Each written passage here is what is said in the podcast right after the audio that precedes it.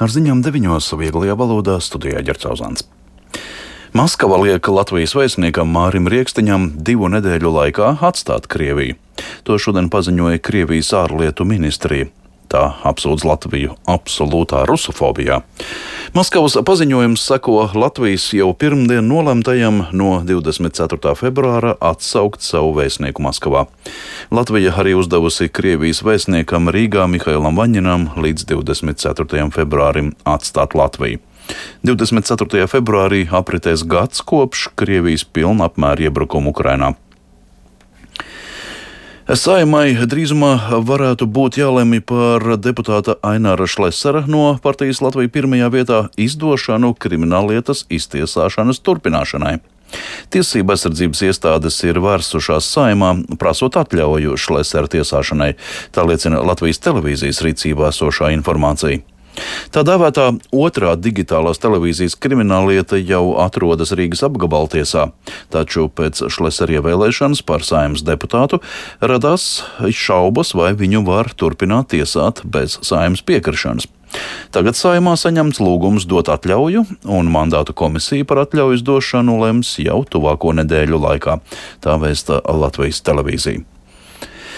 Jākapils novada domas sēdē šodien nolēmts plūdu saku novēršanai piešķirt papildu naudu - 800 tūkstošus eiro. Tos paredzēts iekļaut šī gada pašvaldības budžetā.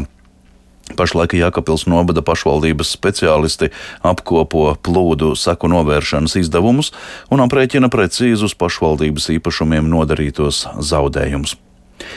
Siltas pusdienas reizi dienā jānodrošina visiem bērniem visās Latvijas skolās, neatkarīgi no ģimenes sociālā statusa un maka biezuma. Ar šādu aicinājumu klajā nākusi Latvijas daudzbērnu ģimeņu apvienība. Pašlaik par valsts naudu skolās var paēst 1 līdz 4 klašu audzēkņi. Pārējo skolēnu ēdināšana ir katras pašvaldības ziņā. Daudz bērnu ģimeņu apvienība aicina vairs nešķirot bērnus, jo dzīves sadārdzināšana skārusi arī daudzas tādas ģimenes, kas līdz šim sevi uzskatīja par pietiekami turīgām. Saistībā ar bandu vardarbību Zviedrijas policija aizturējusi septiņus aizdomās turamos un esot novērsusi slepkavību.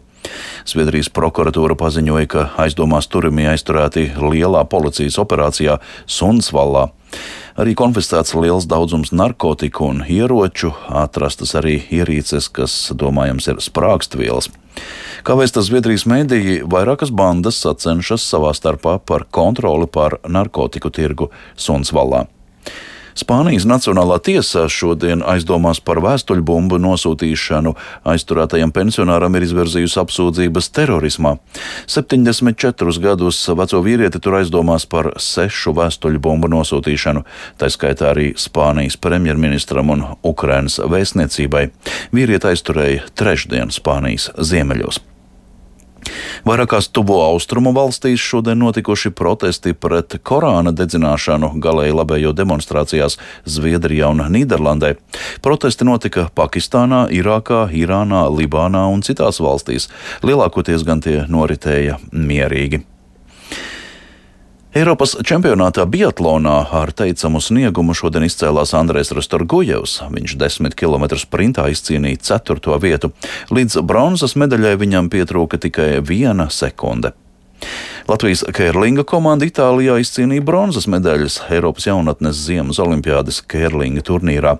Vispirms Latvijas izlase pusfinālā piekāpās Vācijai, bet cīņā par bronzu pieveica Zviedriju. Vēl par laika apstākļiem, kā ziņo Latvijas vides geoloģijas un meteoroloģijas centrs. Rīgā šobrīd ir mīnus 1 grāds, lēns austrumu vējš 2,3 m2, atmosfēras spiediens 774 mm, gaisa mitrums 75%. Naktī Latvijā būs mākoņdienas, rietumu un centrālajos rajonos skaidrosies, nakts paies bez nokrišņiem, ceļi vietām slideni, dažviet veidosies migla un sarma. Miglā redzamība var būt apgrūtināta, dažviet tikai līdz 500 metriem. Pūtīs lēns vējš, gaisa temperatūra - mīnus 3, mīnus 8 grādi. Rītdienā mākoņdienas vietām skaidrosies, diena paies bez būtiskiem nokrišņiem. Gaisa temperatūra - mīnus 1, mīnus 5 grādi, kurzemē no mīnus 1 līdz plus 3. Izskan ziņas vieglajā valodā.